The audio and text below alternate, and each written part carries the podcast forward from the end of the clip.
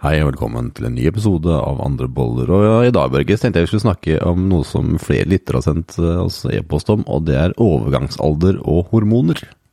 Oi. Noen, tanker, noen tanker om det, Børge? Ja, jeg har mange tanker. Eh, Jeg prøver, eller um, Senest i helga nå har jeg sittet og lest på en del av um, liksom hva både som er en del av aldringsprosessen, og det er faktisk ganske kontroversielt rundt det her med overgangsalder hos kvinner spesielt. da. Det er vel gjerne der vi På hvilken måte da? eh, Noen hevder jo at det er mangel på østrogen. Ja. Eller det er vel den gjengse oppfatning, vil jeg si. Men det er enkelte teorier og, og studier som faktisk kan tyde på at det er overdreven, ikke østrogenproduksjon, men, men eh, østrogenmetabolitter, og for lite progesteron. Sånn at progesteronkrammer brukes jo også for å behandle. eh, rett og slett fordi det, det er ubalanse i hormoner som forårsaker det. Og så har jeg også prøvd å se på hva er liksom uh, fellestrekkene i de som har en enten veldig forsinka overgangsalder, eller som kanskje ikke opplever noen spesielle symptomer på overgangsalderen. Når er den inntrer, Børge? Jeg kan så lite om det. Når er det den pleier å Eh, Rundt 40-50, der omkring. Det er jo igjen noe veldig variabelt. Og man skulle jo nesten tro at det var sånn som med menstruasjon, da vet vi er sånn relativt snevert område når puberteten uh, inntreffer. At det skjer hormonelle endringer ved at uh, jenter blir til kvinner, liksom. Uh, men, men den aldringsprosessen og de hormonelle endringene som skjer der, det, det er jo um, Ja, som sagt, noen som ikke opplever noen spesielle eh, symptomer i det hele tatt, og noen som har veldig kraftige symptomer. Kan, Jeg vet så lite om det, så jeg kommer til å spørre litt uh, rare spørsmål. Er, kan uh, overgangsalder tiltre tidligere hvis man har mye stress og sånn, eller har det en uh, For det er jo hormonelt det her, så har det en påvirkning, eller hvordan fungerer det? Ja, eh, altså Jeg har jo en tendens til å begrave meg veldig i detaljene innimellom og se på liksom, de biokjemiske mekanismene og, og vitamin-hormoninteraksjoner og mineraler oppi alt det der. Eh, generell helse, selvfølgelig, men, men veldig ofte så koker det jo ned til hvor mye stress og påkjenninger, eh, både av den mentale typen og den miljøbelastninga, liksom, har å si for generell helse og, og hormonelle endringer. Så det blir også, også veldig sånn høna eller egget-paradoks, fordi veldig mange, hvis de opplever hormonelle endringer i kroppen, så, så kan det øke stresshormonproduksjonen i kroppen. Um, og, og for eksempel ser jo det her en gjenganger i, i denne lavkarbodebatten, lavkarbo og faste der eh, enkelte autoriteter går ut og sier at det her er liksom eh, Det omtrent kurerer det aller meste vi har av livsstilssykdommer og sykdommer, og, og, og har forringende effekt og, og, liksom fandens oldemor omtrent. Um, men det som jo skjer ved næringsunderskudd, ved fravær av næring, eh, ved ulike sånne påkjenninger, det er jo at du øker stresshormonene. Og hvorvidt kroppen har godt av stresshormoner eller ikke, eh, kommer jo helt an på status. Mm. Både Ja, og hvor mye, kanskje? og situasjon. Ja, ikke sant, og det er jo det vi kaller hormese. Det er jo eh, det at stress kan være positivt, men ikke for alle. Da kommer det ad av grad og uh, lengde på den, den, uh, den påkjenninga. Så avmålte, kontrollerte doser, så fremt du også tillater tid til å restituere det fra deg og gjenoppbygge det igjen, har en positiv, gunstig effekt. Vi kan nesten si at livet er basert på avmålte, kontrollerte doser med stress, som vi så har en adopsjon til, en tilpasning til. Hormese er da den, den betegnelsen på at du er innenfor en sånn, en sånn eh, grønn sone med, med stress, der du eh, også får Der du avbryter stresset, og så kan kroppen bygge seg opp igjen. Så hva skjer da hvis du påfører kroppen kronisk, kontinuerlig eksponering for stress? Og, og, og veldig mange da som kanskje allerede er i en, um, i en situasjon eller kontekst der kroppen har vært bombardert med stress og påkjenning, og kanskje bruker alle de ressursene den kan på å um, restituere seg fra stresset, og så påfører du enda mer stress ved å gå på diett ved å kjøre 24-48 timers faste eller mer. Ved å liksom ta ja, uff, kalde dusjer. Eh, hva enn, da, som alle de her biohacking-tilhengerne anbefaler. Så kan det faktisk bli for mye for organismen. Um, og grunnen til at jeg har tenkt i de baner veldig lenge, er jo min erfaring med å jobbe med folk med ME eller kronisk utmattelse. Oh ja. Har det en sammenheng? Ser, eh, ja, altså jeg ser sammenhenger mellom de to tingene. Det er jo en helt uh, egen sak vi kan sitte og snakke veldig mye om. Det er veldig ømfintlig og betent tema, fordi det Har det en sammenheng med overgangsalder og sånn nå, eller? Det er ikke noen direkte sammenheng der, men jeg ser liksom fellestrekk i veldig mye symptomer og, og sykdomsbilde. Eh, der det ofte koker ned til at en person enten har Altså det er en ubalanse på det stresset som er påført personen, og evnen deres til å restituere seg fra det. Og veldig mye er jo mentalt også. Og hvilken innstilling du har til egen helbred og evne til å eh, restituere deg fra det. Uh, så um, Jeg spora deg, helt av, spora deg, helt, jeg spora deg helt av det med egentlig overgangsalder i stad, Børge. ja, men, men, vi skal rote litt tilbake igjen, som vi pleier å gjøre til slutt. Jeg, har, jeg, har, jeg holder fast i den tråden, ja, som lillefingeren her, helt ute i uh, periferien her. At hvis du da lever et liv som er fullt med kjemikaliebelastning, og du har et kosthold som ikke er spesielt bra, og du har en arbeidshverdag eller en sosiale eh, relasjoner som, som kanskje gir deg veldig mye, så uh, er det ikke veldig usannsynlig eller utenkelig eller ulogisk at kroppen i tidligere enn normalt uh, går inn i den aldringsprosessen. Du har reduksjon i metabolisme, du har forskyvning i hormonbalanse. Du har ikke de nødvendige pulsene med østrogen og progesteron i den nødvendige sekvensen som de skal ha gjennom en menstruasjonssyklus. Vi, alt foregår i pulser. Vi, jo, vi, menn har jo en eh, testosteronpuls hver morgen. Eh, alle mennesker har en kortisolpuls, altså stresshormonet kortisol, som skilles ut hver morgen for å få oss i gang. Det har en viktig fysiologisk funksjon. Det skal ikke elimineres, men det må kultiveres. Det må være i, i riktig balanse, det må skje på riktige tidspunkt. Så, så en kronisk stressbelastning og påkjenning, eh, være seg kosthold eller eh, mangel på sollys eller mangel på mening og purpose med livet sitt, eh, manglende stresshåndtering generelt på, på, hverdagens problemer. Alt det her liksom akkumulerer seg. Og da, Hvorvidt det er genetisk eller det bare er hvor godt uh, liv du har levd før det her skjedde, um, det er vanskelig å si og kvantifisere, men, men, at alt det her har noe å si for den hormonelle situasjonen du havner i når du er 40 og 50, det er det jo ingen tvil men Børge, har ikke vi kortisonutsprøytningen tre til fire ganger i døgnet i forhold til cirkadianrytmen, da?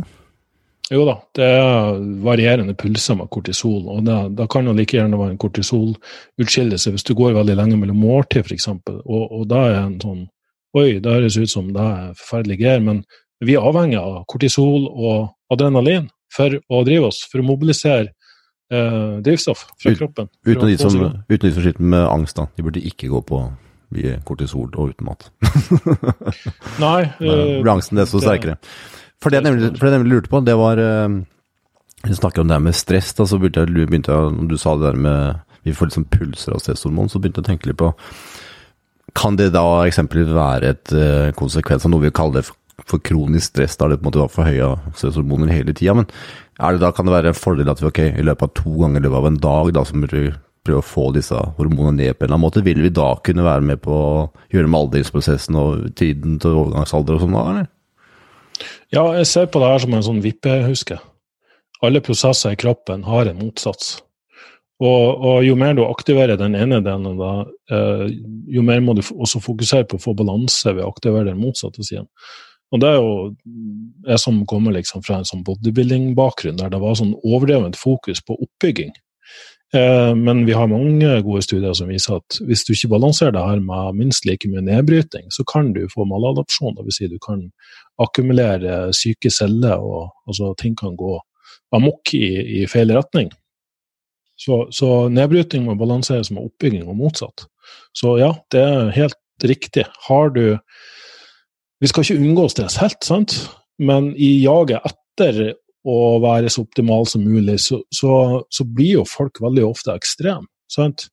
Er det lavkarbo, så skal du ha nullkarbo. Altså har du krasja på lavkarbo, så skal du liksom spise så mye karbohydrater at uh, det tyter sukker ut av ørene på deg.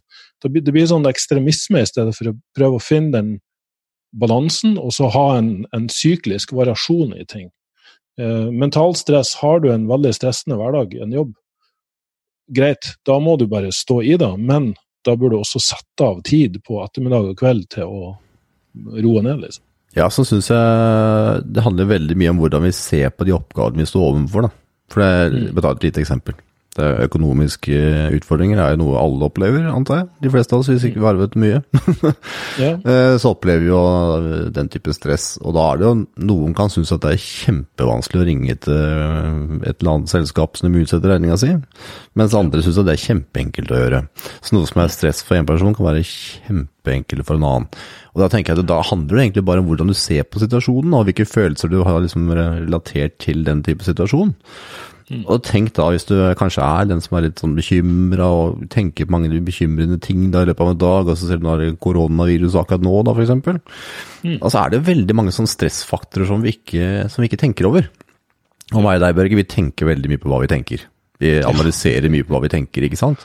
Stiller oss spørsmål, og vi snakker sammen. Ja, det har jeg ikke tenkt på før, og det har jeg tenkt på. ikke sant. Så vi gjør jo det her veldig mye, men kanskje ikke alle som har tid til det. da. Kanskje ikke alle som har tid til å stille seg til spørsmålene. Og så er det mange som da går rundt egentlig med stresstanker hele dagen de ikke visste om. Og jeg skal gi en liten sånn uh, reframing her. Jeg opplevde å ha panikkangst som du vet, tilbake i 2011, og da tenkte jo ikke jeg så veldig mye på hva jeg tenkte osv. Og, så og samtidig som jeg fikk det, så holdt jeg på å bygge opp uh, selskap og agenturvirksomhet og distribusjon. og jeg husker jeg våkna på natta nesten med hjerteflimmer. Jeg skjønte ikke hvorfor jeg hadde så høy puls. Kunne ikke skjønne hvorfor jeg våkna på natta med høy puls.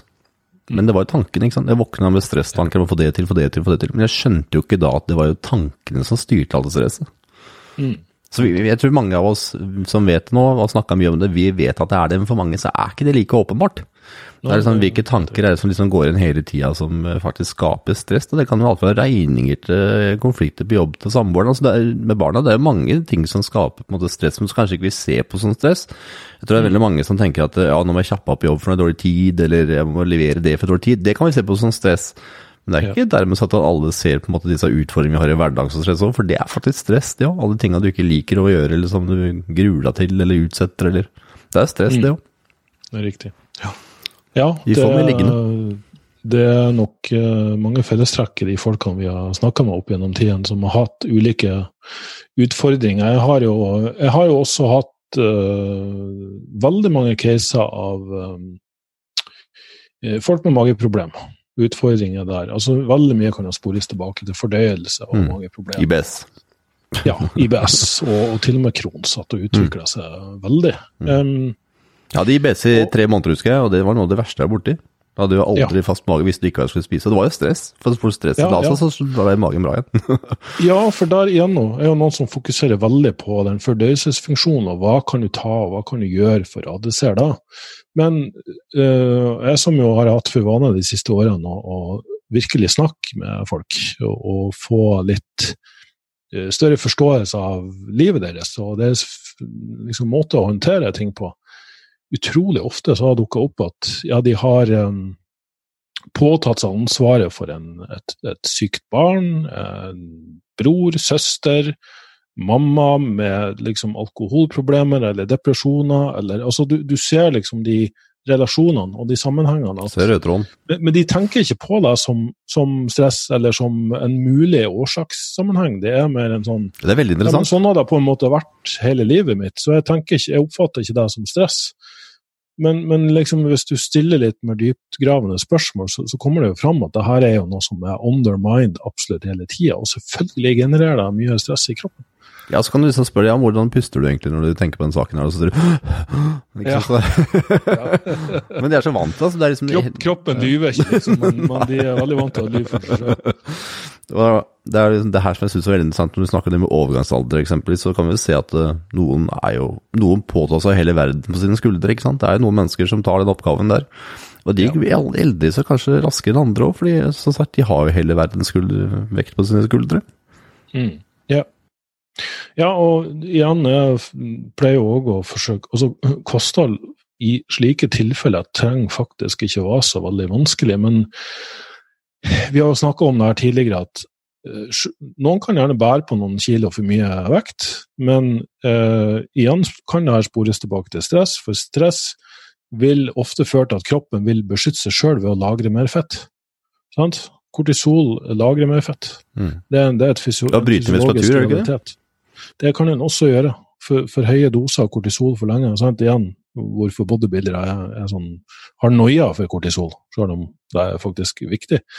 Um, sånn at det er ikke nødvendigvis sånn altså det, du kan gjøre med mat, det er i hvert fall ikke å gå på mer diett og kaloriunderskudd og, og, faste. Det er faktisk å begynne å gi kroppen nok næring, og, og mikronæring, ikke minst, vitaminer, og eh, faktisk spise regelmessig. Holde blodsukkeret eh, konstant, liksom. Eh, det, det, er sånn Jeg gjennom mange år har tenkt at det her er jo bare tull. Vi er jo Altså, kroppen er jo en fantastisk evolusjonær organisme som kan motstå alt mulig, så vi skal ikke være nødt til å gå og småspise hele tida for å, for å liksom holde et stabilt blodsukker. Men jo da, for enkelte mennesker så må du faktisk da da, da for å få stressnivået ned, for insulin og karbohydrater og, og glukose motvirker kortisol, og, og, dermed må de her være i balanse. Så igjen, Er det en ubalanse, så må du gjøre på en måte det motsatte av det du skulle tro var naturlig.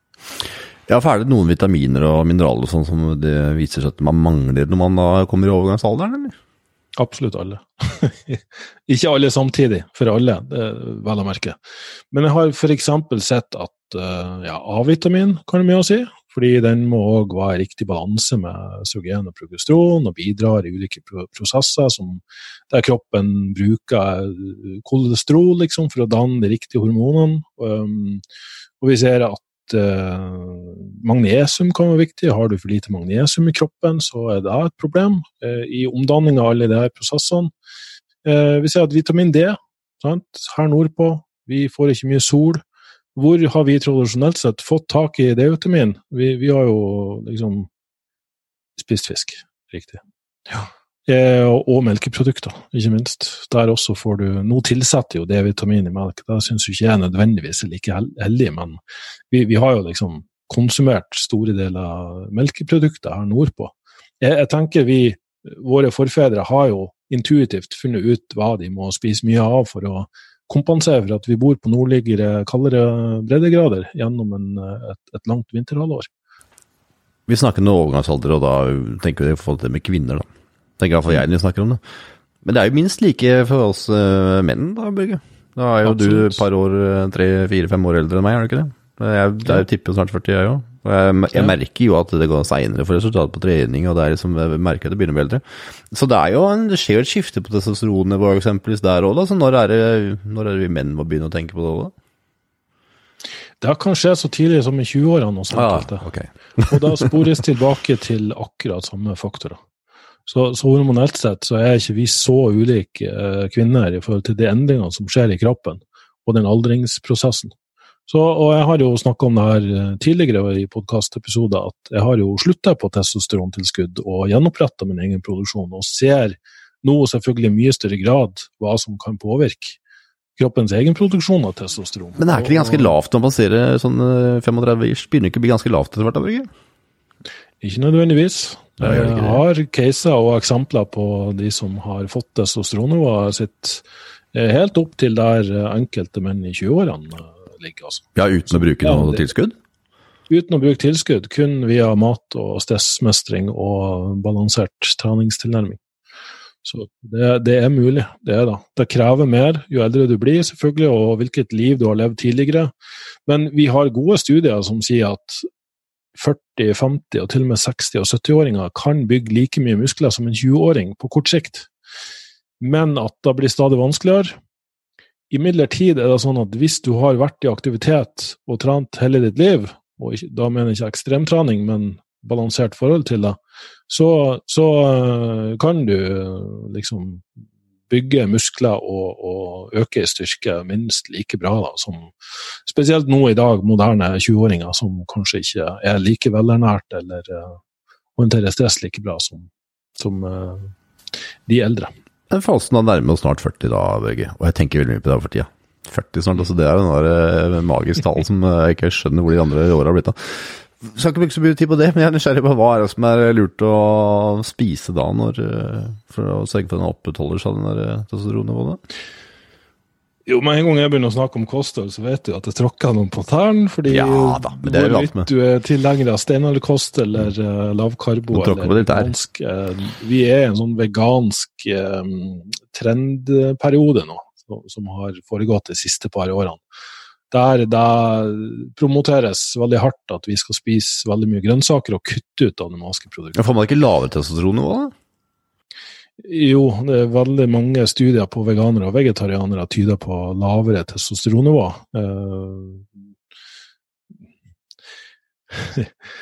Du vet, veldig mange studier som brukes i propaganda Jeg kaller det propaganda fordi det er så ensidig framstilt. Det er at uh, grønnsaker og frukt har så positive effekter på kroppen. Eh, det de ofte glemmer å nevne, er at det er ikke nødvendigvis studier på folk som samtidig eliminerer kjøtt- og melkeprodukter.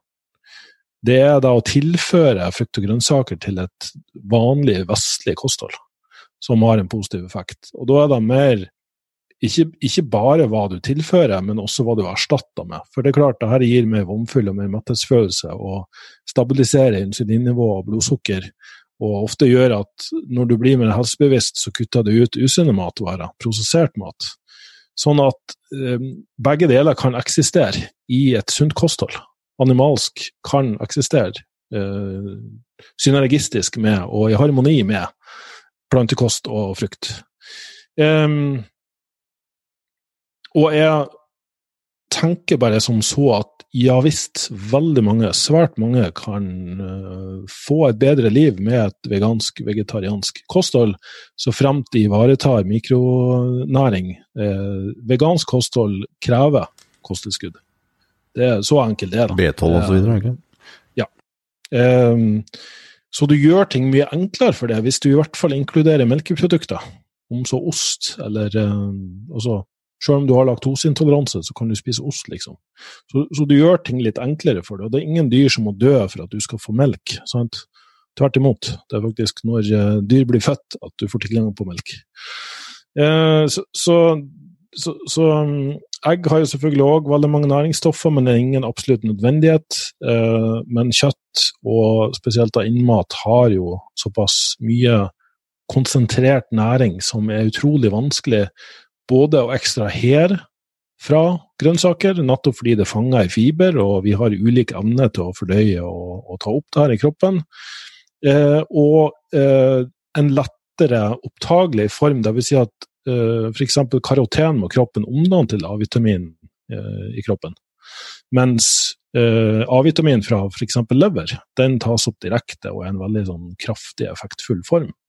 Så, så jeg har sett uh, utallige caser, da. Selv om det er den laveste formen for evidens, så er case-historier på folk som har begynt å spise lever f.eks. en gang i uka, uh, har reversert veldig mange tilstander som man, man ikke skulle tro Eh, hadde sammenheng med det. Men det, når det er så rikt på B12 og vitamin A, så kan det være at nettopp de var nødvendige for å tette de hullene. igjen. ved å ta kosttilskudd eller å spise veganske, vegetabilske kilder, så, så, er akkurat din kropp ikke eh, Evner ikke å ta opp akkurat den næringa fra de matvarene du spiser. Mm. Så da litt tilbake til for meg som da nærmer meg disse. Hva skal jeg prøve å spise da, hvis vi skal være litt mer detaljert?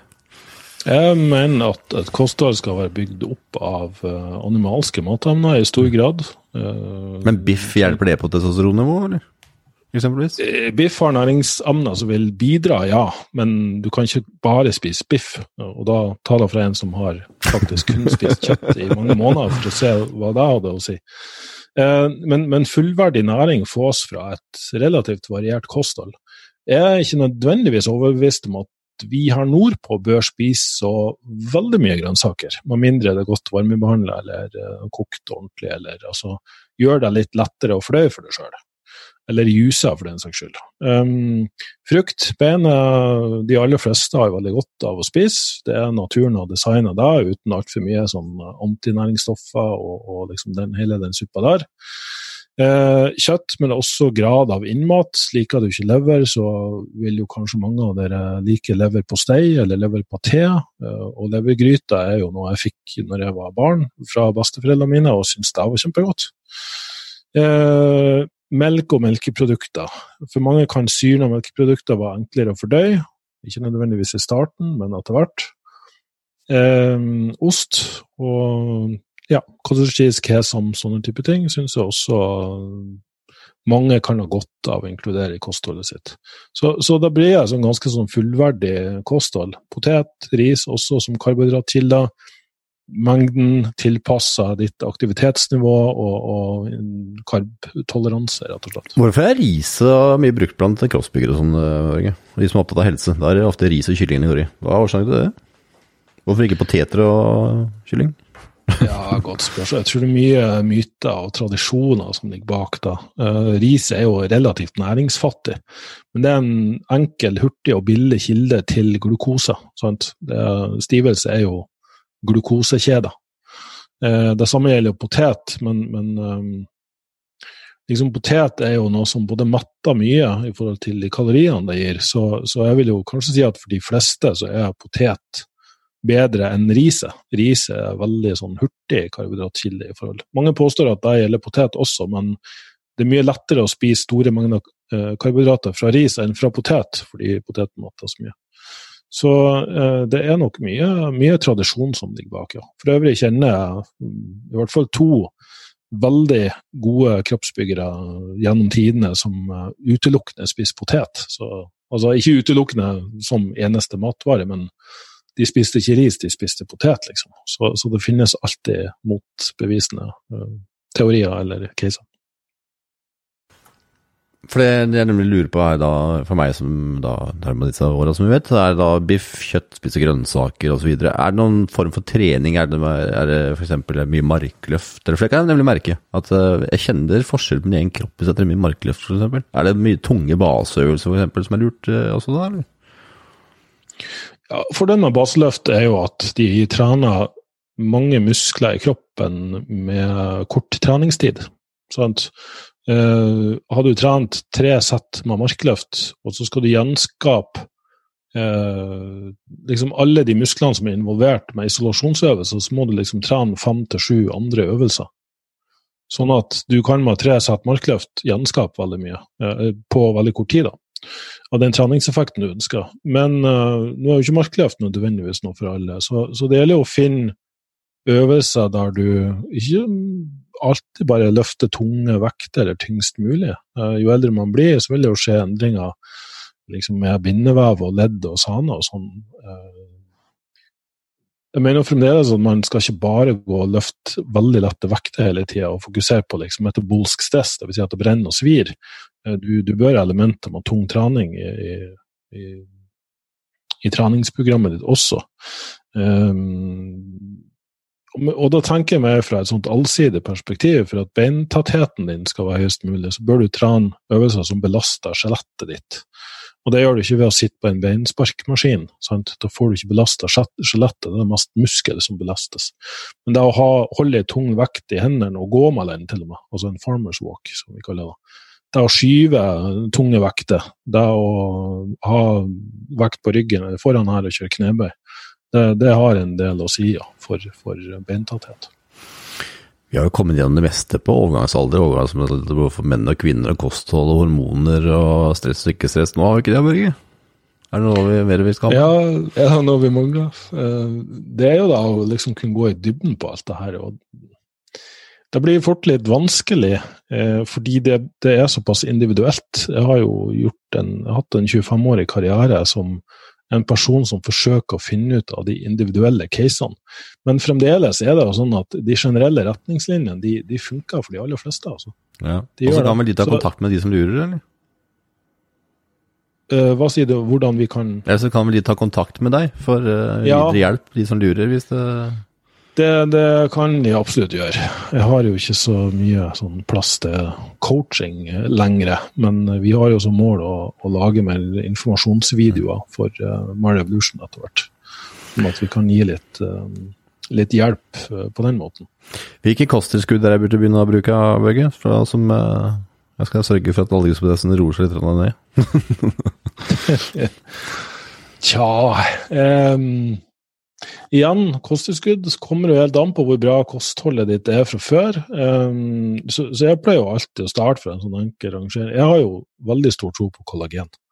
Med mindre du spiser et veldig Altså der du koker mye kraft og bruker sånn gelatinrike kjøttmatvarer, uh, så, så syns jeg kollagen er, er veldig viktig. Um, Omega-3-fettsyre, hvis du ikke spiser fet fisk, så syns jeg f.eks. de krilloljekapslene vi har, er veldig bra. Eventuelt den olja, da, for de som, som tåler det. Um, proteinpulver syns jeg er en veldig enkel og billig måte å få i seg nok protein. Jo eldre du blir, jo større proteinbehov får du. Da har vi veldig mye solid forskning som, som viser. Eh, så, så, jeg vil jo ha starta der. Jeg syns òg Vital Joint, som vi har utvikla, et veldig, veldig, bra kosteskudd som både gir deg vitamin K2 og kalsium og vitamin D. Eh, en veldig synergistisk kombinasjon av vitamin og mineraler, som er veldig viktig i mange av de hormonelle prosessene også, ikke bare for ledd. Veldig bra det, Børge. Og for deg som lytter, så send oss gjerne forslag til eh, tematikker på podcast at myrevolution.no. Til neste gang, ha en fin dag, Børge. Jo, takk. Ha en fin dag. Ha det bra. Ha det.